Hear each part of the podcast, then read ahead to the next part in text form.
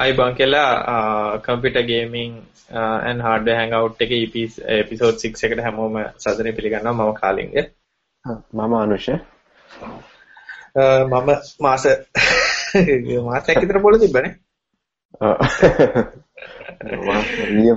සතිය ගාන කරන්න වෙන කොහොම හරි. හැබැයි මේ සාමාන්‍ය සති දෙක සැරයක් කරන්නේ එකපාරට තමයි හැම වෙලෙම මිසුනේ කොහොම හරි මාසයක් විතර ගිහින් ඒකට සම්මායන්න ඒක ඉතින් මගේ ඒ තමයි අදත් 99.99 තමයි. ගෙදර දප්පහුව වෙලා. නිවුස් ටිකුත් තියෙනවා අනුෂ නේද? අපි අද ටිකක් ඇදගෙන යන්නේ. ඔව් ඒක තමයි. නිවුස් තියෙනවා. මාසිකව නිවුස් තියෙනවා මේ. කීප නිවුස් සමහරව දැන් මොන පරණ ඒවා අපලා දාලා දැන් ගිය සතිය වගේ තියෙනවා තමයි මේ.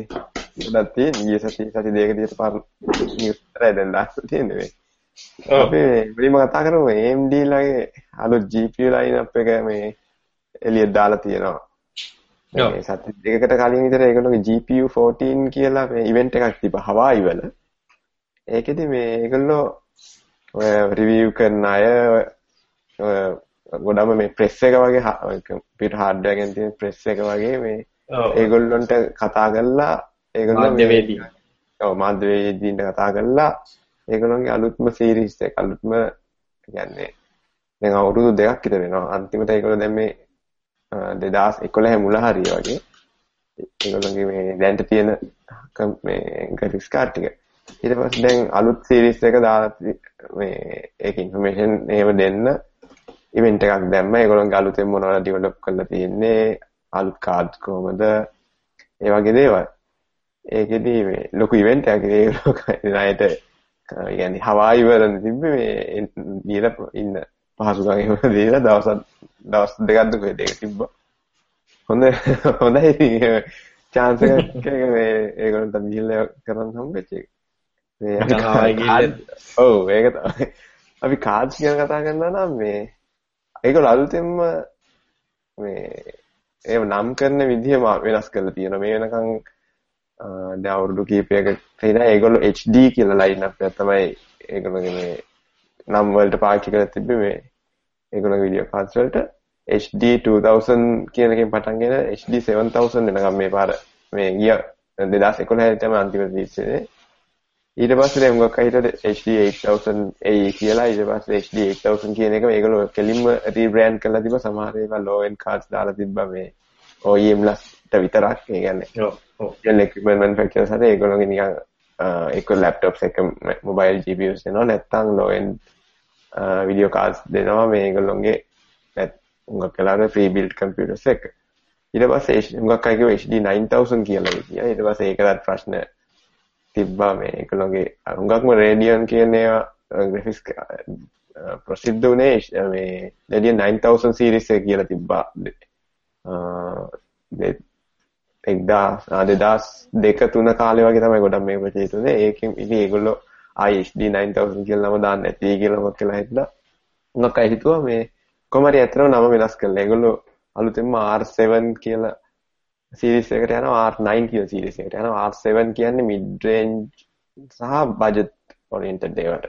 ඒ කියන්නේ සාමාන්‍යයෙන් ඩොලර් 100 රේන්ජ් එකේ ඩොලර් 100 මේ ඒගොල්ලෝගේ රිලීස් කරලා තියෙන කාඩ් එක තියෙනවා ඩොලර් 139යි ඒ එතනින් පල්ලෙහා වගේ තමයි ඒගොල්ලෝ R7 කියලා කියන්නේ R9 කියන්නේ ලංකාවට එනකොට. ඩොලර් 120 ගාඩ් එක හයිය කාඩ් ඕක ඩබල් විතර වෙයි ඉතින් රුපියල් ඕක 200කින් විතර ගුණයි ඔව් සාමාන්‍යයෙන් 130ක් විතර මේ ඩොලර් එකක් කියන්නේ ඕක 200ක් 200 ගුණයක් විතර වෙයි සමහරවිට ලංකාවට එනකොට කොහොම හරි ඇත්තටම දැන්ට රිලීස් වෙලා තියෙන තාම කාඩ්ස් තුනයි R9 280X uh, කියලා එකකුයි 270X කියලායි ඊට පස්සේ R7 එකේ 260X කියන එක. මේ X කියලා කියන්නේ extreme කියන මොඩල් එක. ඇත්තටම තාම තුන රිලීස් වෙලා තියෙන extreme කියන මොඩල් එක. ඇත්තටම ඕවා අලුත් කාඩ්ස් නෙමෙයි. ඕවා මේ මේ වෙනකන් HD 7000 series එකේ ඇවිල්ලා තිබ්බ කාඩ්ස්. ඒ කියන්නේ අන්තිම කරලා තියෙන්නේ රීබ්‍රෑන්ඩින් එකක් තමයි කරලා තියෙන්නේ. වෙනස කර තියෙන්නේ ඒගොල්ලෝ මේ රීබ්‍රෑන්ඩින් විතරක් නෙමෙයි කරලා තියෙන්නේ ඒගොල්ලෝ ගාන අඩු කරලා. ඒ හින්දා ඒක ලොකු ප්‍රශ්නයක් නැහැ. ඒ කියන්නේ ඉස්සර ඩොලර් ඔය දැන් R9 280X කියන එක HD 7970 කියන එකට සමානයි. ඒක ඇත්තටම මේ මුලින්ම රිලීස් වුණේ 2011 ජනවාරි වලදී ඩොලර් 549කට. දැන් ඒක රිලීස් කරන්නේ ඒකම ඩොලර් 299කට. හැබැයි මේ ඩොලර් 549 කියන එක අවුරුදු මාස ගානකදී වෙනස් වුණා Nvidia ලගේ GTX 600 series එක ආවට පස්සේ. කොහොම හරි අඩු වෙලා අඩු වෙලා දැන් ගන්න පුළුවන් මම හිතන්නේ US market එකේ ඩොලර් 370කට වගේ. හැබැයි එකම performance ආයි ඩොලර් 300 රේන්ජ් එකට ඇවිල්ලා ඊට පස්සේ කලින් තිබ්බ ඩොලර් 249ක් විතර තිබ්බේ HD 7870 කියන එක ඒකම රීබ්‍රෑන්් කල්ල රීස් තියෙන 270x කියලා. ඒක ගාන අඩු වෙලා තියෙන ඩොලර් 249 විතර ඉඳන් ඩොලර් 199 විතර අඩු වෙලා. ඊට පස්සේ R7 260x කියන එක තමයි බජට් බජට් ගේමින් කාඩ් එකේ රිලීස් වෙච්ච රිලීස් වෙලා තියෙන. ඒක ඩොලර් 139 ඒක නම් හැබැයි ගොඩක් අඩු වෙලා නෑ ඩොලර් 15ක් 20ක් වගේ තමයි අඩු වෙලා තියෙන්නේ. කොහොම වුණත් ඒගොල්ලන්ට අඩු කරන්න පුළුවන් සීමාවක් තියෙනවානේ. උඩම කාර්යවලට යනකොට ඒගොල්ලොන්ගේ පරණ පරණ කාඩ් වල ස්පෙસિෆිකේෂන් අරන් මේවා ස්පෙસિෆිකේෂන් ගත්තා ඒතකොට සමානයි දානුෂ කියන විදිහට ස්පෙસિෆික් හાર્ඩ්වෙයාර් ස්පෙસિෆිකේෂන් සමානයි හැබැයි මේ මේ කාඩ් තුන විතරක් ගත්තොත් නම් ස්පෙસિෆිකේෂන් හුඟක් දුරට සමානයි. ඒ කියන්නේ ඔය 280x කියන එක 7970 කාඩ් එකම උනාට ක්ලොක් ස්පීඩ් එක මෙගාහර්ට් 50ක් අඩුයි. ඒක දැනෙන්නේ නැහැ. ඒ උනාට මෙගාහර්ට් 50ක් අඩුයි. ඊට පස්සේ 270x කියන එක මෙගාහර්ට් 50ක් වැඩි. 2007 7870 එකට වඩා. ඒ වගේ පොඩි පොඩි වෙනස්කම් තියෙනවා. ඇත්තම කියනවා නම් එකම කාඩ්ස් ටික තමයි. ඒ කියන්නේ ක්ලොක් ස්පීඩ් එක චුට්ටක් එහෙට මෙහෙට කරලා තියෙන්නේ. අලුතෙන් තියෙන මේ 290 කියන එක 290x කියන කාඩ්ස් ටික තමයි තාම රිලීස් වෙලා නැත්තේ. ඒ දෙක ගැන අර ඒගොල්ලොන්ගේ Hawaii වල තිබ්බ GP14 කියන ඉවෙන්ට් එකේදී කතා කරලා තිබ්බට මේ කොච්චරක් ගාණක් වෙනවද කියලාවත් මොන වගේ performance තියනවද කියලාවත් ඒගොල්ලෝ හරියට තාම කියලා නැහැ. ඒක රිවිවර්ස්ලාට මම හිතන්නේ මේගොල්ලෝගේ මේ ඒගොල්ලෝ රිවිව් කරපු රිවිව්ස් එළියට දාන්න පුළුවන් ඔක්තෝබර් 15 වෙනිදා පස්සේ දෙකර ගණන් කොච්චර ගණන් වෙනවද කියන එකයි කොහොමද performance වෙන්නේ කියලා. හැබැයි සමහර Chinese size වලින් එහෙම මේ ලීක් කරනවානේ performance figures. ඒකෙන් වෙලා තියෙන්නේ මේ ඒක Nvidia ළඟ තියෙනවානේ 1000 dollars single GPU card එක මේ GeForce Titan කියලා GeForce කියන නම නේ. Nvidia Titan කියන ඒ කාඩ් එකත් පරද්දනවා හුඟක් වෙලාවට. ඒ කියන්නේ ඩොලර් 1000ක කාඩ් එක පරද්දනවා නම් මේ ඒගොල්ලන්ට කියන්නේ ඒ කාඩ් එක ගොඩක් හොඳ කාඩ් එකක් නේ. හැබැයි ලෙඩේ තියෙන්නේ මේ ඒගොල්ලෝ දැන් එක නොච් එකක් හදේ ඒ ඒ කියන්නේ 280x එක වෙන්නේ ඩොලර් 299 නම් මේගොල්ලන්ට ඩොලර් 1000ක් ගන්න කොහොමද මේ 290x එක. මොකද අරවත් හතරක් ගන්න පුළුවන් නේ ගහන්න. තුනක් ගන්න. ඔව් ගොඩක් කට්ටිය හතරක් ගහයි. ඔව් ඒ ඉන්න ඒක හරියන්නේ. හුඟක් වෙලාවට වැඩිම වුණොත් ඩොලර් 650ක් වෙයි. ඒ වගේ ගානකට වෙයි. සමහර වෙලාවට අඩු වෙන්නත් පුළුවන්. මොකද ගැප් එක ගොඩක් වැඩි හින්දා ඩොලර් 300 ඉඳන් ඩොලර් 650ට කාඩ්ස් දෙකක් විතර රිලීස් කරන්න තියෙනවා නම් ඒක ටිකක් වෙන්නේ නෑ වගේ. සමහර වෙලාවට අපි තාම හරියට ප්‍රයිසින් දන්නේ නැති හින්දා කියන්න බෑ. ඒකට මං හිතන සමහරලාට ඕක මේ අර මුලින්ම 7970 එක රිලීස් කරේ ඩොලර් 549 ඒ ගානට මේ සමහරට 290x එක 290 එකයි මේ ඩොලර් 449කට වගේ ගානකට. ඒ වගේ වෙන්න පුළුවන්. හරියන මිනිහ කවුරුත් දන්නේ නැහැ ප්‍රයිස් එක. ප්‍රයිස් තාම දන්නේ අය මේ දන්නවා ඒ උනට රිලීස් කරන්නේ නැහැ මේකලගේ ඇග්‍රීමන්ට් තියෙන හින්දා. ඔව් දැන් ඕක එතකොට පවර් කන්සම්ප්ෂන් පැත්ත ගත්තොත් කොහොමද? පවර් තාම දන්නේ නැහැ මෙහෙමයි ඒගොල්ලෝගේ ආකිටෙක්චර් එක වෙනස් වෙලා නැහැ. කලින් සේම චිප් එක ආකිටෙක්චර් එක මේ ඒකෙදි වෙලා තියෙන්නේ ඒගොල්ලෝ ෂේඩ් account එක වැඩි කරලා තියෙනවා. දැන් 7970 එකේ ෂේඩර්ස් තිබ්බේ 2048 ෂේඩර්ස් කියන්නේ ඇත්තටම ඕක ප්‍රොසෙසර්ස් වගේ කියලා හිතන්න පුළුවන්. කියන්නේ නිකන් ඒ සෙට් එකක් එකතු වෙලා තමයි එක එක වැඩ කරන්නේ. කියන්නේ ෂේඩර් ෂේඩර් එක තනි තනියෙන්ම ගන්න බෑ හුඟක් වෙලාවට. ෂේඩර්ස් නිකන් ගෲප් ගෲප් වගේ තියෙන්නේ. ඒ වුණාට කියනවා නම් ෂේඩර්ස් 2048ක් තිබ්බා මේ දැන් ඔය කියන 7970 එක හරි දැන් 280x කියන මොඩල් එකේ අලුතෙන් එන කාඩ් එකේ තියෙනවා 2800 ගාණක්. ඒ කියන්නේ 140ක විතර වැඩිවීමක් තියෙනවා. ඒකයි තව මේ රාස්ට් ඔපරේටර්ස් කියන එක ඩබල් වෙලා තියෙනවා. ඒ වගේ දේවල් වලින් ආ තව ඒකයි මේ මෙමරි බස් විත් එක 384 ඒ බිට් කියන එක න 512 බිට් 512 වෙනකන් වැඩිලා තියෙනවා. ඒක නම් මෙමරි බෑන්ඩ්විඩ්ත් එක වැඩි කරලා තියෙනවා. GDDR5. ඔව් GDDR5 තමයි මේ දැන් ගිය සීරීස් 3 3ක විතරම වගේ තිබ්බේ. ඔව්. 7000 සීරීස් එකේ 4000 සීරීස් එකේ නම තිබ්බේ GDDR GDDR 4000 series GDDR4 ආවා. 5000 series එක තමයි GDDR5 ආවා. ඊට 6000 series එක තිබ්බ 7000 series එකක් තිබ්බා. දැන් කොහොම හරි කලින් එකට වඩා clock speed එක චුට්ටක් අඩු කරලා ඒගොල්ලෝ මේ clock bus width එක වැඩි හින්දා මේ ඒත් performance වැඩි bandwidth එක බැලුවාම performance වැඩි කලින්ට වඩා ඒ ඔක්කොම එකතු වුණාම ඒ කියන්නේ Titan එකකට වඩා speed එක වැඩි වෙන්න ලොකු chance එකක් තියෙනවා. දැන් ඒ කාඩ් ගැන තමයි මේ හුඟක් අය දැන් ගේමර්ස්ලා බලාගෙන ඉන්නේ කොච්චර වෙනසක් වෙයිද? ඒක හින්දා මේ Nvidia-ට මොකද ස්පීඩ් ඩොලර් 540 සමයට හරි ඩොලර් 650ක් කිව්වා ඩොලර් 1000ක කාඩ් එකක් එක්ක ඩොලර් 640 සම ඊට වඩා හොඳ කාඩ් එකක් තියෙනවනේ. ඒක ගන්න නෑ ඕන දෙකක් ගහගනි ඔව්. ඒගොල්ලන්ට මේ ගාඩ් එකේ ගාන අඩු කරන්න වෙනවා. ඒ රියුමර්ස් තියෙන්නේ මේ Nvidia ආ සමහර අඩු ඒවා නම් මේ ඒ කියන්නේ 760 කාඩ් එක හරි ඊට වඩා අඩු කාඩ්ස් වල නම් ගාන චුට්ටක් අඩු කරනවා කියලා මේ රිව්යු එකක් තිබ්බා. දැන් ඊට වඩා කියන්නේ මේ මේගොල්ලෝ මේ ඒගොල්ලෝ ඩුවල් GPU කාඩ් එකක් එයි කියලා දැන්ට ඔය මේ ඒගොල්ලෝ කෙප්ලර් කියන ආකිටෙක්චර් එකනේ තියෙන්නේ Nvidia ලගේ. ඔව් කෙප්ලර් නේද? ඔව් කෙප්ලර් එක තියෙන්නේ. ඒක ඔය GK තමයි කෝඩ් නම් කෝඩ් නේම්ස් වලට දීලා තියෙන්නේ GK කියන්නේ ග්‍රැෆික්ස් කෙප්ලර් කියන එක හරි GeForce කෙප්ලර් කියන එක හරි තේරුම තියෙන්නේ. ඒගොල්ලොන්ගේ මේ මීට කලින් තිබ්බ 600 සීරීස් එකේ උඩටම ආවේ GK 104 කියන GPU එක. ඒකේ තිබ්බේ මේ full Kepler GPU එක නෙමෙයි ඒකේ shaders ගොඩක් අඩු කරලා.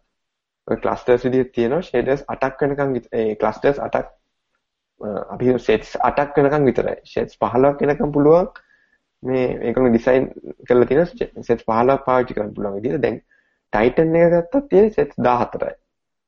ඊට පස්සේ GTX 780 එක ගත්තත් තියෙන සෙට්ස් 13යි. දැන් මේගොල්ලන්ට සෙට්ස් 15ක්ම ඔක්කොම ෆුල් අන්ලොක්ඩ් වෙච්ච කාඩ් එක රිලීස් කරයි කියලා කට්ටිය හිතනවා. එතකොට ඒක ඩොලර් 18 රිලීස් කළා Titan එක සමහර වෙලාවට ඩොලර් 899කට 799කට වගේ අඩු කරලා ඊට පස්සේ GTX 780 එක අඩු කළයි අඩු කරලා ඩොලර් 549කට 599කට වගේ අඩු කළොත් එන්නේ එහෙම එහෙම වෙනසක් වෙන්න පුළුවන්. ඊට පස්සේ අර GK 110 කියන කියන්නේ GTX 780 Titan ඔක්කොම බේස් කරලා තියෙන full GPU එක ගත්තොත් ඒක බේස් කරගෙන dual GPU කාඩ් එකක් ගන්න පුළුවන්. එතකොට GTX 780 කියන එක ඩොලර් 549කට වගේ අඩු කරලා ඒක ඩුවල් GPU කාඩ් එක ඩොලර් 1000කට වගේ ඒගොල්ලන්ට විකුණන්න පුළුවන්. ඒ වගේ වෙනස්කම් කරයි කියලා. ඒගොල්ලෝගේ ඊළඟට එන්න තියෙන Maxwell කියලා ආකිටෙක්චර් එකක්. ඒක මේ එන්නේ හුඟක් වෙලාවට 2014 මැද වගේ වෙයි කියලා කියන්නේ. ඒ හින්දා ඒගොල්ලන්ට මේ එච්චර කාලයක් බලන් ඉන්න බෑනේ ප්‍රයිස් එක වෙනස් කරන්න නැතුව ඒගොල්ලන්ට මොන හරි කරන්න වෙයි කියලා තමයි හුඟක් අය හිතන්නේ. කොහොම හරි ඉතින් අන්තිමට කන්සියුමර්ස්ලාට ඉතින් වාසි මොනවා වුණත් ඔව් අර ගන්න බැර තිබ්බ කාඩ් ගන්න පුළුවන් වෙනවා.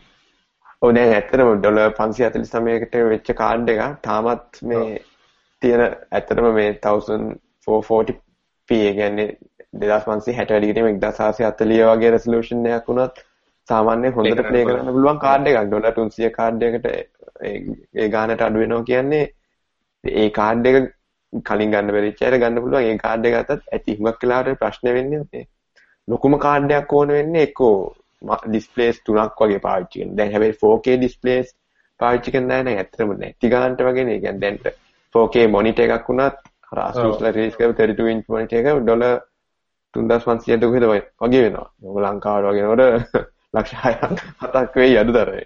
ඊටත් වඩා වැඩි වෙන්න පුළුවන්. ඒ කියන්නේ ලක්ෂරි අයිටම් එකක් වගේ ඉඳලා ටැක්ස් ගහන්න පුළුවන් ගොඩක්. ඒ වගේ හින්දා. ඉතින් කොහමද ඒ වගේ අනික ලංකාවේ කව කීයේ කී දෙනා මම හිතන්නේ HD මොනිටර්ස් දාගෙන උනත් ගේම් ගහන. දැන් හැබැයි දැන් නම් අපි හිතනවා නම් හැබැයි ගේමින් කමියුනිටි එක ගොඩක් ඉවෝල්ව් වෙලා තියෙන ලංකාවෙත්. දැන් අර එක එක ඇත්තට මේ මොනවාද ඉවෙන්ට්ස් තියෙනවානේ මේ ගේමින් ඉවෙන්ට්ස් නිකන් ටෙස්ට් වගේ ඒවා. ඒවා හින්දා දැන් අපි හිතනවා දියුණු වෙලා තියෙන්නේ. මල්ටි ඩිස්ප්ලේ වගේ ඒවා ගොඩක් අඩුයි. මල්ටි ඩිස්ප්ලේ ගොඩක් අඩුයි. මොකද මල්ටි ඩිස්ප්ලේ කියන එක මේ ඒකෙත් ප්‍රශ්න තියෙනවානේ. මල්ටි ඩිස්ප්ලේ එකේ ලොකුම ප්‍රශ්නේ තමයි අර බෙසල් එක ගොඩක් ඝනකම්. ඒකෙන් වෙන්නේ නිකන් මැද්දේ කළු පාට හිරිරි පේනවා. ඇත්තටම ගේම් එක ගහනකොට ගේම් එක ගහනකොට ඕක ගොඩක් වෙලාවට නෝටිස් වෙන්නේ නැහැ. අපිට ඒ කියන්නේ අපි නිකන් වීඩියෝ එකක් බලලා අපි ඒක දිහා වෙන එකනේ ප්ලේ කරන එකක් දිහා බලන් ඉන්නකොට අපිට ඒක වෙනස පෙවුනට ගේම් එක හරියට ඉමර්ස් වෙලා ඒක ඇතුළට මේ මේ සමවැදලා වගේ ගහනවා නම් මේ ඒක පේන්නේ නැහැ ඇත්තටම. හැබැයි අර ප්‍රශ්න ඒක තමයි ගොඩම තියෙන ප්‍රශ්නේ මේ iFinity හරි දැන් Nvidia surround sound surround Nvidia surround ගත්තත් එහෙම සමහරු නම් ඔය බෙසල් එක රිමූව් කරනවා සම්පූර්ණයෙන්ම මොනිටර් එක ගලවලා අර දෙකෙන් කව කරනවා. ඔය පිටිපස්ස කෑලි නෑ ඒකට. නිකන් බොඩි එක සම්පූර්ණයෙන්ම ගලවලා මේ මේක ඇතුලේ කෑලි විතරක් තියෙන ඉතින් එහෙම පාවිච්චි කරන්න නැත් ඉන්නවා. මට මේ ඉස්සෙල් කියන්න ගොඩක් මොනිටර්ස් වල ඉතින් එජ් එක ගොඩාක් වටේ බෙසල් එක නේ. දැන් අලුත් මොනිටර්ස් වල මම දැක්කම Samsung නෑ මේ නේවැ සමහරට සෙන්ටිමීටර් පාගයක්වත් නෑ. ඔය. හ්ම් අඩුවේ කියන යන ඒ වුණාට ඒත් අර හරියටම සම්පූර්ණයෙන්ම මේ වෙච්ච නෑ. ඒක කරන්න පුළුවන්ද? දන්නේ නැටි මොබයිල් ෆෝන් වලටත් කියනවා ඉතින් ඕවා කරන්න හිතන් ඉන්නවා. අය එක්ස්පෙක්ට් කරන මේ ඔව් HTTP මේකක් කරලා කියන අයිත් ඔය මේ හුඟක් අය හිතනවානේ මේ මොකද ක්‍රොස් ඔය මේ Infinity වගේ එකක් ගන්න මොකටද ලොකු මොනිටර් එකක් ගන්න පුළුවන් පොඩි මොනිටර්ස් තුනක් ඔය ගන්න මොකද කිය ඒකෙත් තියෙන ඉතින් ප්‍රශ්නේ මේ ඒව මැනුෆැක්චර් කරන්න බැරි කම තමයි තියෙන මොනිටර් එකක් ඒ කියන්නේ පොඩි මොනිටර්ස් තුනක ගන්නට වඩා ගොඩක් වැඩි ඒ රෙසලූෂන් එකම තියෙන ලොකු මොනිටර් එකක්. මොකද මුළු ෂීට් මුළු ඔය ස්ක්‍රීන් එකම හදන්න ඕනේ නේ ඒගොල්ලෝ. පොඩි කොහේ හරි සවුතුනොත් එහෙම මුළු ස්ක්‍රීන් එකම අයින් කරන්න ඕනේ. අර පොඩි මොනිටර්ස් වලදී මේ ඔය යීල්ඩ්ස් ඉන්න තමයි ගොඩක්. ඒ කියන්නේ ලොකු වෙන ලොකු වෙන්න. පොඩි කේස් එකක් උනා සම්පූර්ණයෙන්ම ඒක අයින් කරලා ආයි පටන් ගන්න ඕනේ. ඔව්. ටීවී වගේ ටීවී ගත්තා තියෙන ලොකු වෙන ලොකු වෙන්න. ඒ කියන්නේ ඒක වැඩි. වේගෙන යන්න වේගෙ වැඩි වෙනවනේ මේ?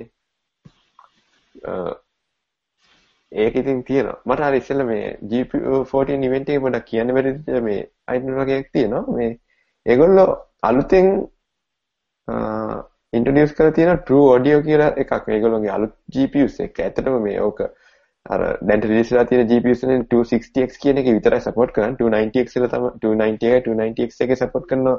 ආයෙත් මොකද අරව රීබ්‍රෑන්ඩ්ස් හින්දා ඒකේ එතකොට ඒව සපෝට් කරලා තිබෙන්නේ හાર્ඩ්වෙයාර් වල. ඉන්න කෙලිම රීබ්‍රෑන්ඩ්ස් හින්දා මේ ඒව සපෝට් කරන්නේ නැහැ. 260X එක ඒගොල්ලෝ ඇත්තටම පස්සේ ටෙස්ට් කරන්න හදපු GPU එකක්. ඒගොල්ලෝගේ මුලින්ම රිලීස් කරපු 7000 සීරීස් එකේ low end ඒවට 7750 එකයි 7790 එකයි. ඊට පස්සේ ඒගොල්ලෝ 7790 7750 එකයි 7770 එකයි. 7790 කියන එක තමයි ඔය මේ 60 260X කියලා වෙනස් වෙලා තියෙන්නේ. ඒගොල්ලෝ ඒක ටෙස්ට් කරන්න එක එක දේවල් අත්හදාවල්ලා තියෙනවා. ඒකෙන් තමයි මුලින්ම මේ True Audio කියන එක ඇවිල්ලා තියෙන්නේ. උනාට ඒක driver එකේදී enable කරලා නැහැ මේ මේ කාඩ් එක support කරන විදිහට. උනා 260X එකේ 290 එකේ 290X එකේ ඇවිල්ලා තියෙන එනවා කියලා තියෙනවා. ඒකේ වෙන්නේ ඇත්තටම මේ ගොඩක් ඔය EX වගේ creative ලගේ තියෙන EX කියලා ටෙක්නොලොජි environment එකේ හැටියට මේ audio වෙනස් වෙන්න ඒක වගේ දෙයක්. වෙන්නේ ඉතින් මේ GPU එකට data තියෙනවනේ අලුත්ම data. මේ වගේ තමයි මේ ඒ කියන්නේ මොකක් හරි හිතමු බිල්ඩින් එකක් කැඩුනා කියලා. ඒ ඒක ප්‍රෝග්‍රෑම් කරන්න බෑනේ මේ විදිහට ඔඩියෝ වෙන්න ඕනේ. ඒ කියන්නේ හුඟක් වෙලාවට ඔය ඩයිනමික් සමහරලාට ඔය ඇත්තට මේ දැන් Battlefield 4 එක අලුතෙන් ඇවිල්ලා තියෙන මේ බීටා රිලීස් එකේදී දැන් පබ්ලික් බීටා එක රිලීස් වෙලා තියෙනවා ඒකේ අපිට පුළුවන් මේ බිල්ඩින්ග්ස් හිටන් සම්පූර්ණයෙන් කඩලා විනාශ කරලා ඒ කියන්නේ ලොකු බිල්ඩින් අර මේ World Trade Center වගේ ලොකු බිල්ඩින් එකක් සමතලා කරන්න පුළුවන් බිමට. ඒ වගේ එකකදී මොන විදිහට ඒක කැඩනවද කියන එක ප්‍රී ප්‍රෝග්‍රෑම් කරලා නැහැ මොකක් කියලා. ඒ කියන්නේ මොන පැත්තේ වෙඩි තිබ්බොත්. දැන් ඒක මොන විදිහට කැඩෙන්නද කියන්නේ. ඒ වගේ තැනකදී ඉන්නකොට සවුන්ඩ් මේ සවුන්ඩ් ඒක රවුන්ඩ් රිෆ්ලෙක්ට් වෙන විදිහෙන් දැන් ඔය හුඟක් මල්ටිප්ලේයර් ගේම්ස් වල මේ කම්ප්ලීට්ලි මල්ටිප්ලේයර් ගේම්ස් වල සවුන්ඩ් කියන එක ගොඩක්ම ඉම්පෝර්ටන්ට් දෙයක්. ඒකෙන් හිතා ගන්න පුළුවන් මේ එනිමි මේ එනිමීන්න මොන පැත්තට සමල්ලාට බෝන මේ බිත්තියක් හරහා වැඩි තියන්නත් පුළුවන්. හරියට පින් පොයින්ට් කරන්න පුළුවන් නම් මෙයා මෙතන ඉන්නේ කියලා.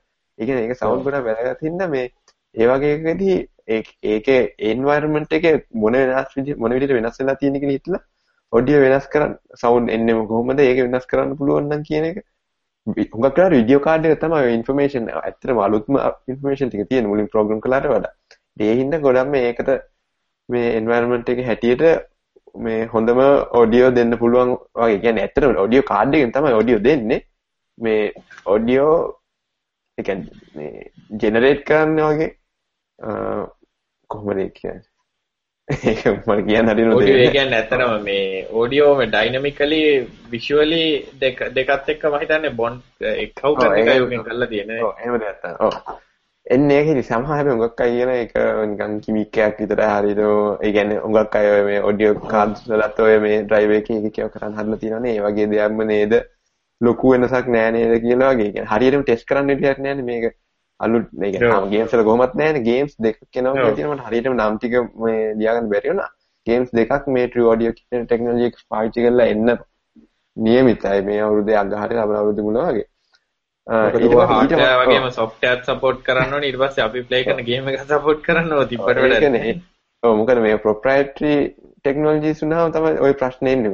මොකද Nvidia කාර්ඩ්ස් ලෝක නැහැ AMD කාර්ඩ්ස් ලෝක තිබ්බහම මේ ඕකට වල විතරක් මේ ඕවා සපෝට් කරන්න ගියාම ඉතින් ඒගොල්ලන්ට ගොස් කොස්ට් එකත් වැඩි. ඒ කියන්නේ කාඩ් එක වල ගැටලුව තිබ්බා. ඒ කාලේ ඔය ප්‍රොසෙසර් වල 3D now එකයි MMX SSC ඒ වගේ ෆිසික්ස් ෆිසික්ස් උතත් එහෙමයි. Nvidia වල ෆිසික්ස් තියෙනවා. ඒක සපෝට් කරනවා. ඉතින් ගොක්ක සපෝට් කරන්නේ නැහැ නේ. ගේම්ස් කීපයනේ මොනවද සපෝට් කරන්නේ. එන්නේ ප්‍රශ්නේ තියෙනවා. ඉතින් ඇත්තටම ඕවා වයිඩ්ලි යූස් වෙන්න පටන් ගන්නෑ ඊට වඩා ගොඩක් ඉම්පෝටන්ට් දෙයක් තමයි මේ මෙන්ටල් කියලා ටෙක්නොලොජි එකක රිලීස් කරලා තියෙනවා මේ ඉන්ට්‍රොඩියුස් කරලා තියෙනවා. ඒගොල්ලෝ ඇත්තටම ඒකෙන් කරන්නේ කෙලින්ම ගේම්ස් වලට මේ කෙලින්ම හાર્ඩ්වෙයාර් ඇක්සස් කරන්න පුළුවන් විදියට. ඒගොල්ලෝ මේ API එකක් ඩිසයින් කරලා තියෙනවා. දැන්ට කරන්නේ කොහොමද DTX හරි OpenGL overlay එකක් හරහා නේ ඒගොල්ලෝ ඇක්සස් කරන්න මොනවා වුණත් ඒ හින්දා එතන මේ ඩිලේ එකක් තියෙනවා. ඔය ඩිලේ එක තමයි හුඟක් කලාවට මේ PC ගේම්ස් ස්ලෝ වෙන එකයි console games ඒ කියන්නේ console games ස්ලෝ නෑ කියන්නේ මොකද කන්සෝල් ගේම්ස් වල තියෙන මේ කන්සෝල්ස් වල තියෙන්නේ අවුරුදු 6ක් විතර පරණ ටෙක්නොලොජිය දැන්ට. يعني ඊළඟ දැන් අලුතෙන් එන එක නෙමෙයි දැන් තියෙන්නේ මේ Xbox 360 එක හරි PS3 එක හරි ගත්තොත් අවුරුදු 6ක් විතර පරණ ඒවා. ඒත් ඒවා තාම ගේම්ස් ගහන්න පුළුවන් අලුත් මේන ගේම්ස්. يعني ටිකක් ස්ලෝ ඒ කියන්නේ ග්‍රැෆික්ස් PC එකේ තරම්ම දියුණු නැති වුණත් කරදරයක් නේද ගන්න පුළුවන්. ඔව් අවුරුදු 6ක් තිස්සේ තාම මින් මේ PC එක පාවිච්චි කරන්නේ නැහැ. ඔව් ගේම් ගන්න එක අවුරුදු දෙන්න දෙන ගේම් ගහන ගේම කෙනෙක් නම් අවුරුදු දෙන්න දෙක කරලා හුඟක් කාලේ VG එක අරු කරන්න ඕනේ. ඉතින් ඒක වෙලා තියෙන්නේ ඒවා DirectX හරි OpenGL වගේ මේ ලේ එකක් නැහැ මැද්දේ. කෙලින්ම ඇක්සස් කරන්න පුළුවන් මොකද ඒ මේ ඩිවෙලොපර් දන්න මොකට ඩිසයින් කරන්න කියලා. ඔය જાති දෙකකින් එකක් නේ තියෙන්නේ.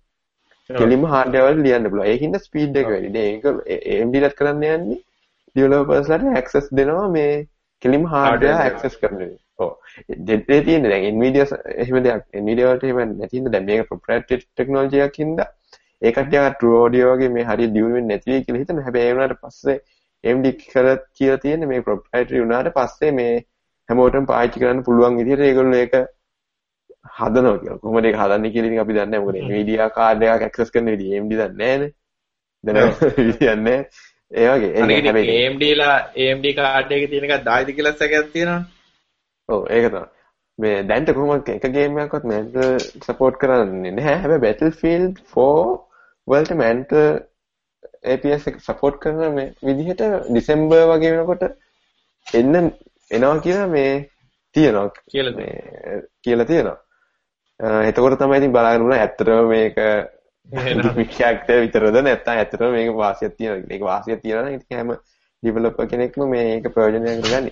හැබැයි ලෙඩ තියෙන මේ කොහොමත් AMD ලානේ දැන් ඊළඟට එන්න PS4 එකයි Xbox One එක Xbox One Xbox One එකයි මේ ඒකේ GPUs ඩිසයින් කරලා තියෙන්නේ. ඒගොල්ලොන්ට එතකොට හරි ලේසියි මොකද කෙලින්ම පෝට් කරත් මේ ලොකු දෙයක් මේ performance එකක් ඒගොල්ලොන්ට එන්නේ නැහැ.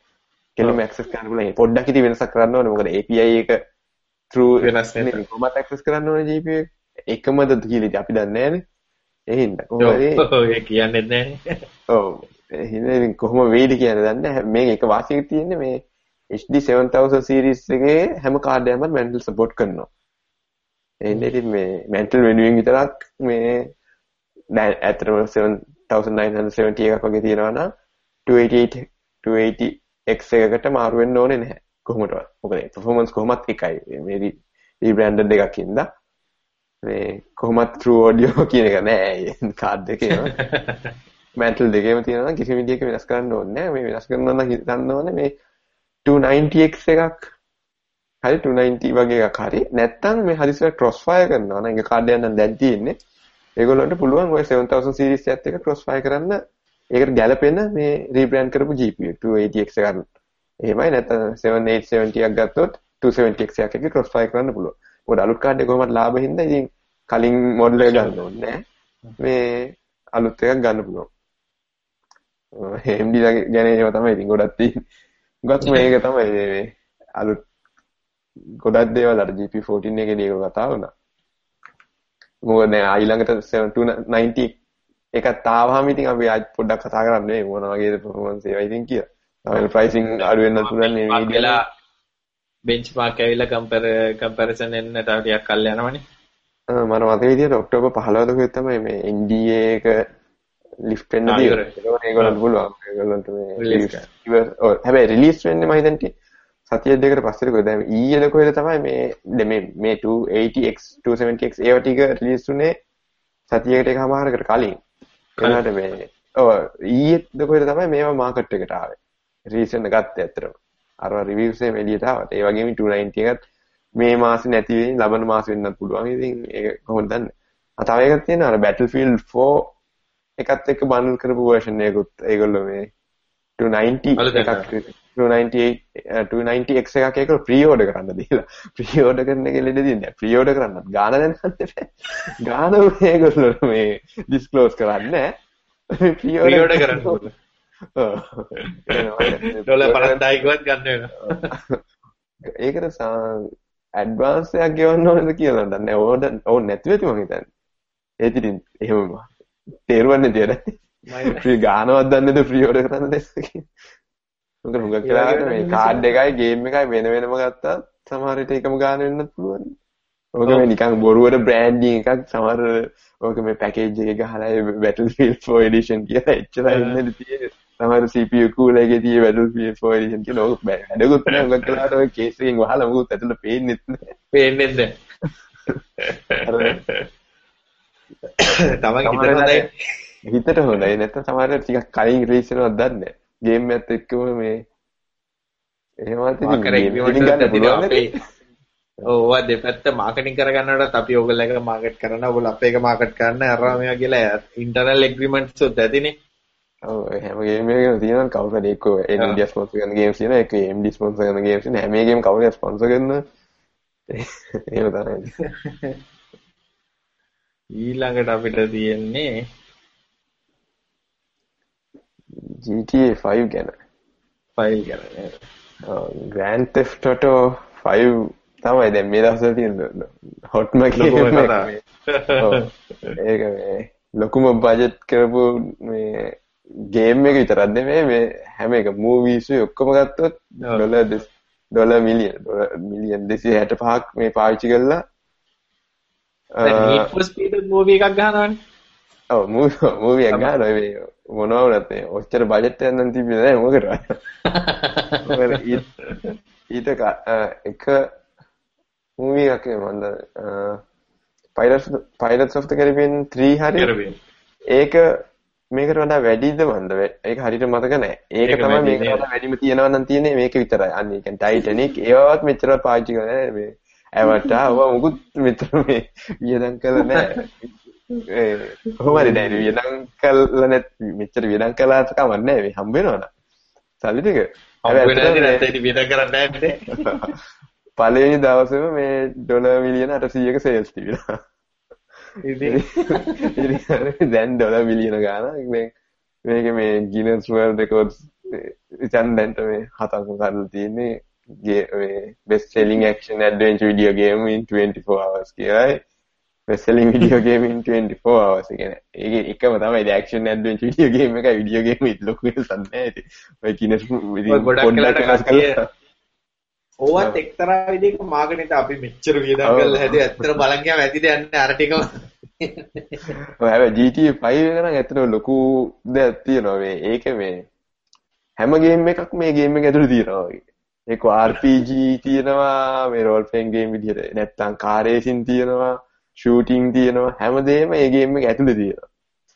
මේක ඇත්තටම අර සිම්ස් සිම්ස් තියෙන සිම්ස් විදිහට කියන්නේ එක්සර්සයිස් කරන්න ඕනේ මිනිහට කන්න බොන්න ඕනේ. ඒ දේවල් කරන්න ඕනේ. ඊට පස්සේ ගෑම්බ්ලින් උයි ඒව තියෙනවා. මනි මාකට් එක කන්ට්‍රෝල් කරන හිටන් ඒවත් තියෙනවා. ඒ කියන්නේ ඒ කට්ටියක් ඉන්නවලු. ගේම් එකේ මනි මාකට් ඒක ඒක ඒක ඒක ඒ. ඒක ඇතුළේ. ඇත්තටම වගේ ඔක්කොම ඩිසයින් කරලා තියෙන්නේ. ඒක අර මේ වීඩියෝ එකක් එහෙම තිබ්බ මේ ට්‍රේලර් එක. ඒක දැක්කම නම් ග්‍රැෆික්ස් උත් මාර ලස්සනයි. හුඟක් වෙලාවට හැබැයි මේ එකම හරි ඒ කියන්නේ සිටි එක ගත්තොත් එහෙම මේ කොහෙද මම මතකත් නැහැ කොහෙද කියලා. ඒ කලින් ගේම්ස් වල තිබ්බ ලොකේෂන්ස්ම තමයි තියෙන්නේ මේකේ. කතාව වෙනවා. ඒක මේ ඒක තැනක මම දැක්ක මේ කලින් සැන් ඇන්ඩ්‍රියස් කියලා. GTA 4 එකට කලින් සැන් ඇන්ඩ්‍රියස් තිබ්බා. ඒක ඒකත් එක්ක ග්‍රැෆික්ස් එකම තැන එකම ලොකේෂන් එක මේගොල්ලෝ හොයාගෙන මේ පෑ කරලා තිබ්බ මේ ග්‍රැෆික්ස් ක්වොලිටි එක අර ලොකු වෙනසක් තියෙනවා ඉතින් අලුත් එකේ. දැන් දැන් රෙන්ඩරින් එන්ජින් අරවා මේවත් ගොඩක් දියුණු වෙලා තියෙන ওই චුට්ට කාලෙට ඔව් ඒවයි ඉතින් ඇත්තටම ඉතින් මේගොල්ලෝ මේ අලුතෙන් ඇල්ගොරිතම්ස් එහෙම හොයාගෙන ඇති කලින් අමාරුවෙන් කරගන්න පුළුවන් ඒවා දැන් පහසුවෙන් කරගන්න. මොකද මේ. මොකද කලින් ඒවත් PS3 එකට දීසුනේ මේකත් PS3 එකට දීසෙන්නේ. ඉතින් හාඩ්වයර් වෙනස්ලා නැත්නම් ඒක සොෆ්ට්වෙයාර් එකේ කොහොම හරි ඒක ඉම්ප්‍රූව් කරන්න පුළුවන් වෙලා තියෙනවනේ. ඒක ගේම් එන්ජින් එක වෙනස් වෙලා ඉතින් ගේම් එන්ජින් එකේ ඉතින් ගොඩක් ගොඩක් වෙලාවට ගේම් එන්ජින් තමයි මාරු වෙනවා නේද? ඔව් ඒගොල්ලෝ මුලින් නම් ඒගොල්ලන්ගේ මේක ඇති සමහර මේ ඩිසයින් කරපු ගේම් එන්ජින් නම් ඊට කීපයයි ඉතින් වැඩිම ඔව්. ගොඩක් FPS වල තමයි තියෙන්නේ නේද? ඔව් FPS වල තමයි ගොඩක්ම තියෙන්නේ. මොකද ඔය ලයිටිං ඉෆෙක්ට්ස් ඔය ඔක්කොම ඒවා වෙනස් වෙන්නේ කොහමද? ඔය මේ මොන හරි බිල්ඩිමක් හරි ගස් කොළන් කැඩෙන්නේ කොහමද තිබ්බා මොන හරි වැදුනාම ඒ වගේ දේවල් ඉතින් හුඟක් ඒවට කොමන් නේ. ඒ වගේ දේවල් තියෙනවා නේද ඒක එන්ජින් එකෙන් තමයි ඒක කන්ට්‍රෝල් වෙන්නේ. කොහොම හරි මේ Guinness records ගැන කියනවා නම් the fastest entertainment property to gross 1 billion dollars තියෙනවා the fastest video game to gross 1 billion dollars තියෙනවා highest grossing video game in 24 hours තියෙනවා highest revenue generated by an entertainment product in 24 hours. ඔක්කොම 24 hours හරි ඒ වගේ තමයි තියෙන්නේ. හරි එකම එකම ස්ටෝරිය ඉතින් මේ රෙකෝඩ්ස් කීපයක් අතර තියෙන්නේ. කොහමද මේ බ්‍රෑඩ් පිට් ගේ අලුත්ම අර සෝම්බි ෆිල්ම් එකට වඩා හිට්ස්. කොහමද එක ප්‍රශ්නයයි මේ ගේම් එකේ තියෙන්නේ PC වලට තාම රිලීස් වෙලා නැහැ. ඒකට රිලීස් වුණා නම් මොකද මේ ඕක ඩබල් විතර වෙනවා ඕකේ මේගොල්ලෝගේ ප්‍රොෆිට් එක. හැබැයි බජට් මොකද කාලයක් ඔය PC ගේමින් වැටලම තිබ්බන්නේ දැන් ආයි නැගලා නැගලා ඇවිල්ලානේ තියෙන්නේ. නැගලා ඇවිල්ලා දැන් ආයි මේ Apple Apple ලගේ වැඩ ඉන්න තමයි මේ ආයි PC ගේමින් වැටලා තියෙන්නේ ටැබ්ලට් රිලීස් කරලා මිනිස්සුන්ට මේ කම්පියුටර් ආයි කම්පියුටර් ගන්න. ඒක තමයි ටැබ්ලට් එක මේ අර සමහර FPS ගේම්ස් ගන්නවා මේ ස්ක්‍රීන් එකේ පොඩ්ඩක් එහෙට මෙහෙට කොහොම ගහනවා නන්නේ ගහන හැටි ඉන්නවා ඉතින් හොඳට. හිතා ගන්න බෑ කන්ට්‍රෝල් එකක් හරි කීබෝඩ් මවුස් හරි නැතුව කොහොම ගන්නවද කියලා හිතා ගන්න. ඒ උනාට මේ මාකට් එකක් තියෙනවා ඒවා හින්දා කොහොම හරි මේ ගොඩක්ම දැන් ගේමින් මාකට් එක කියන්නේ මේ Angry Bird නේ. ඔව් ඇත්තට මට පේන්නේ මේ මිනිස්සුන්ට මේ PC එකක් තිබ්බ හින්දා ගේම්ස් කියුවා මිසක් ගේම්ස් ගන්නව හින්දා PC එකක් තිබ්බ නෙමෙයි වගේ. ඒක ඇත්ත කතා. දැන් ගොඩක් අය දැන් අර මිනිස්සු අනික කම්පියුටරේ ඕන් කරන්න ඕක මෙයාට වඩා ලේසි අර නිකන් ඇවිල්ලා සෝෆා එකේ වාඩි වුණා Xbox එක ඔන් කරා CD එකක් ඇතුළට දැම්ම කන්ට්‍රෝලර් එක අතට අරන් ඇවිල්ලා මෙන්න මෙන්න මේව කරලා ගන්න එක. ලේසි අර කීබෝඩ් ඔන් කරන්. ඔව් Facebook යන්න Twitter Twitter යන්න Gmail බලන්න YouTube බලන්න ඔය ටික තමයි ඉතින්. ගොඩක් කලාට තියෙන්නේ. දැන් ඒකත් ගොඩක් අවශ්‍යතාවය අඩු වෙලා තියෙන ෆෝන් එකේ Facebook උත් තියෙනවා Twitter උත්. ඔව් ෆෝන් එකේ තියෙන ඉතින් ගෙදර ඉන්නකොත් තමයි. දැන් කෝල් ගන්න අරෙන්න අනිත් ඔක්කොම ෆෝන් එකේ කරහැයි. කෝල් ගන්න නැහැ කොකනේ ෆෝන්. ගන්න කවුරුත් ගන්න. මම කෝල් එක આવුත් විතර ගඩ රට්ට. මමත් වයිෆ් එක්ක කතා කරන්න මේ වෙන කිසි හේතුවක් මට කෝල් කරන්න අවශ්‍ය නැහැ මේ බ්‍රවුස් කරන එක. මම වයිෆ්ට කෝල් කරන්නේ නැහැ ඒකත් WhatsApp එකක් ගන්න. ඩේටා උඩ තමයි ජීවිතේ. ඔව්. ඉන්ටර්නෙට් කමියුනිකේෂන් ඩිවයිස් එකක් තමයි ඉතින් ෆෝන් එක කියන්නේ. දැන් අර මේ Apple ලගේ iPhone එක මුලින්ම රිලීස් වෙනකොට ඒගොල්ලෝගේ වීඩියෝ එකක් දාලා වීඩියෝ එක කීනෝට් එකේ තිබ්බ වීඩියෝ එක ආයි මේ චුට්ට ප්‍රසිද්ධ වෙලා තිබ්බා මේ අර Apple එන්ජිනියර් කෙනෙක් දාලා තිබ්බනේ ඒගොල්ලෝගේ පළවෙනියට ඔය ඔය කීනෝට් එකේ වෙලාවේදී ඒගොල්ලෝ ඊට කලින් රිහර්ස් කළාලු ගොඩක් සැරයක් ඔක මේ ස්ටීව් ජොබ්ස් මේක ප්‍රසන්ට් කරන එක. ඒක කව රිහර්සල් වලදී එක පාරක්වත් ඕක කරගන්න බැරි වුණාලු හැම පිස්සෙම එක්ක ෆෝන් එක රීබූට් වෙනවලු මොනවා හරි වෙලා. හැම පාරම අවුලක් ගියාලු අන්තිමේදී මේක මේ ඇත්තටම අන්තිමේදී ඕනේ වෙච්ච වෙලාවෙ විතරක් කොහොම හරි හරි ගස්සගත්තලු මේ ෆෝන්ස් කීපයක් පාවිච්චි කරලා කොහොම හරි කරදරයක් නැතුව අර ඒක පේනවා මේ කොන්ෆරන්ස් කෝල් එකක් හිටන් ගන්නවා මේ iPhone එකේ මේ ඒක බැලුවා මේ කලින් කොන්ෆරන්ස් කෝල් නෙමෙයි මේ තනි කෝල් එකක්වත් ගන්න බැලු ස්ටක් වෙනවා අයි රීබූට් වෙනවා තිබිලා ඒක බැලුවාම තමයි තේරෙන්නේ මේ කොච්චර ඒ කාලේ ෆෝන්ස් මේ කාලේ ෆෝන්ස් කොච්චර වෙනස් වෙලා තියෙනවද කියලා. ඇත්තටම ඒකෙදි ඒගොල්ලෝ කියනවා මොබයිල් ෆෝන් එකක් මේක. නෑ මොබයිල් ෆෝන් නෙමෙයි මේගොල්ලෝ ඩිවයිසස් තුනක් රිලීස් කරනවා. එකක් මොබයිල් ෆෝන් එකක් එකක් iPhone එකක් එකක් මේ ඉන්ටර්නෙට් කමියුනිකේෂන් ඩිවයිස් එකක් කියලා. අන්තිමට ඒ තුනම එකක් කියලා iPhone එක පෙන්වනවා ඉන්නේ. ඒ ඇත්තටම දැන් අර මූල දෙකත් ඕනේ නෑ මේ iPod එකත් අනේ මන්ද iPod එක බැලුවොත් දැන් උගකයි Pandora වගේ රේඩියෝ ඔන්ලයින් රේඩියෝ එහෙම අහන්නේ. ඔව්. ඒ බැලුවාම මේ ඇත්තට මේ ස්ට්‍රීමින් හිතන් තියෙනවා දැන් iCloud එකේ නම් ඇත්තට iPod එකක් වගේම නෙමෙයි ඉතින් ගොඩම මේ නිකම් ස්ට්‍රීමින් ඇත්තටම ඉන්ටර්නෙට් කමියුනිකේෂන් ඩිවයිස් එකක් තමයි දැන් වෙනවා ෆෝන් එක. ඒක මොකුත් ඕනේ ඩේටා ඩේටා ස්ට්‍රීම් වෙන ඩිවයිස් එකක් තිබ්බ නැති වෙන මොකුත් අවශ්‍ය නැහැ ස්ටෝරේජ් කිසි දෙයක් ඕනේ නැහැ. ඩේටා තමයි කරනවා ස්ට්‍රීම් වුණා නම් එච්චරයි. මේ තාටියක් කල්ලා පොඩි ඔල්ලෝසුව තමයි අන්තිමට ඉතුරු වෙන්නේ. ඔල්ලෝසුවත් මොනවා වෙයිද දන්නේ නැහැ. ඔල්ලෝසුවට. යාර සැම්සුන් රිලීස් කරපු එක නම් එච්චර සමහරවිට ෆෝන් එකකුත් එපා ඒක පාවිච්චි කරන්න. ඒකනේ ඉතින් අන්තිමේදී ඕක මේ සාක්කුවෙම උඩට ගන්න එක විතරයි ඉතින් වෙනස. ඊට වඩා ෆෝන් එකක් කොහොමද තියෙනවා. ඒත් ඒකෙත් ලොකු ලොකු දෙයක් කරන්න අර කෝල් කරන්න කියලා දැක්කම ආයි ෆෝන් එක කරා කෝල් එක අහස්. ඔව් මෙයා නයිට් රයිඩ් එක වගේ එහෙම කතා කරන්න. අඩු ගන්න එකට බ්ලූටූත් හෙඩ්සෙට් එකක් දාලා කතා කරන්න හදපන්. හෙඩ්සෙට් එකත් හැවිසිම දාගෙන කනේ ඔබ ඉන්න. නෑ නෑ මං කියන්නේ වොච් එකේ බ්ලූටූත් කනෙක්ට් වෙලා කෝල් එක ගන්න හැදුවා නම් ඉවරනේ කද්ද මේ මාරි කතා කරා. ඔව්. කාලේදී ඒවා ඉම්ප්ලාන්ට් කළාම නම් ඉතින් ටිකක් ඔක්කොම හොඳට යයි. ෆෝන් එක ෆෝන් එකක් ඕනේ නෑ ඇඟ ඇතුලේ මොකක් ඉම්ප්ලාන්ට් කරයිද ඒකත් ෆෝන් එකේ ෆීචර් එකක්. ඔව්. කනේ ඉම්ප්ලිමන්ට් කර ඉම්ප්ලිමන්ට් කරයි මේ මේ හෙඩ් පීස් එක. ඒ වගේ.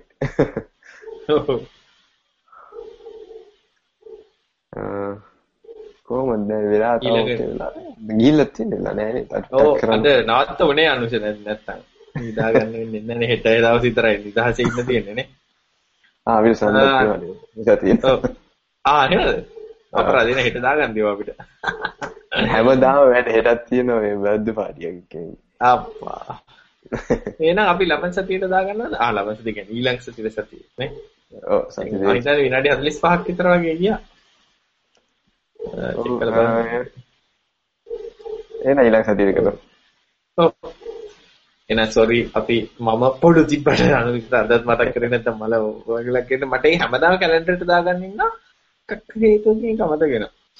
ආ එහෙනම් ප්‍රශ්න තියෙනවා නම් ප්‍රශ්න දාන්න තවත කියලා ඇති ගොඩක් ප්‍රශ්න ප්‍රශ්නේ මේක කියනවා කියලා කට්ටියට මොකක් හරි එහෙම එකක් තිබ්බද කියලා ඒ අමතරව මං හැදුවේ මේ ටෙක් කතාවලින් මේක අයින් කළ වෙන සයිට් එකකට දාන්න කියලා ඒකට අපිට ඒක වෙනම මැනේජ් කරහැගෙන ප්‍රශ්නේ නේව වෙනම Q&A එකක් වගේ දාලා. අනිත් එක මේ ඊළඟ සතියේ අපිට අනුසි try කරන්න පුළුවන් මේ hangout වල Q&A එකක් තියෙන audience එකට. ඔව්. ඒක enable කරන්න පුළුවන්. එතකොට question එකලන්ට අහන්න පුළුවන් අපිට උත්තර දෙන්න පුළුවන්. ඒ වෙලාවේ. ඒක ඔව් ඒ වෙලාව. එක try out එක කරලා බලමු නේ අපි. ඔව් අපි හරි දාමු. අපි හරි ටංගාල question එකක් දාන්න අර අර මේ නිවුස් වල එහෙම කරන්නේ අර මෙයා සුබපතනේ එහෙම රේඩියෝ එකට ඔව් මම ඕගලන්ට ගොඩක් සුබපත ඒගොල්ලෝ තමයි කියාගන්නේ. මම අහන්නේම ඔය FM එක තමයි. වෙන්නත් ඇති නේද? මම මිනිස්සු පිස්සු නෑ ඒක ඕර කෝල් කර කර කුමි සල්ලි. මල වගුලක් කොහෙද දිනකට පැය ගානක් විතර වෝල්ට් එකේ ඉඳලා උන්ට සුබ පතන්නේ හැබැයි ඉතින් කියන්නත් බෑ අපේ ලංකාවේ මිනිස්සුන්ගේ තියෙන මේ දත්තය ඉන්නනේ ෆෑන් බොයිස්ලා ඉන්නනේ ෆෑන් බොයිස්ලා ඉන්න කොහෙන් ගියා මේ අපි නිකන් Android වලට බැලන ෆෑන් බොයිස්ලා ඉන්නවා iPhone වලට බැලන ෆෑන් බොයිස්ලා ඉන්නවා අමතෙන් ඉන්නවා ෆෑන් බොයිස්ලා ඒක ඉතින් හැටියන්නේ එහෙනම් අනුෂ good night. එහෙනම් අපි ලබන සතියේ ඊළඟ සතියේ සෙනසුරාදා අනිවාර්යෙන් එනවා. නැත්තම් මාරු ප්‍රශ්නයක් එහෙනම් thank you අනුෂ අපි ඊළඟ සතියේ මේ ඊළඟ සතියේ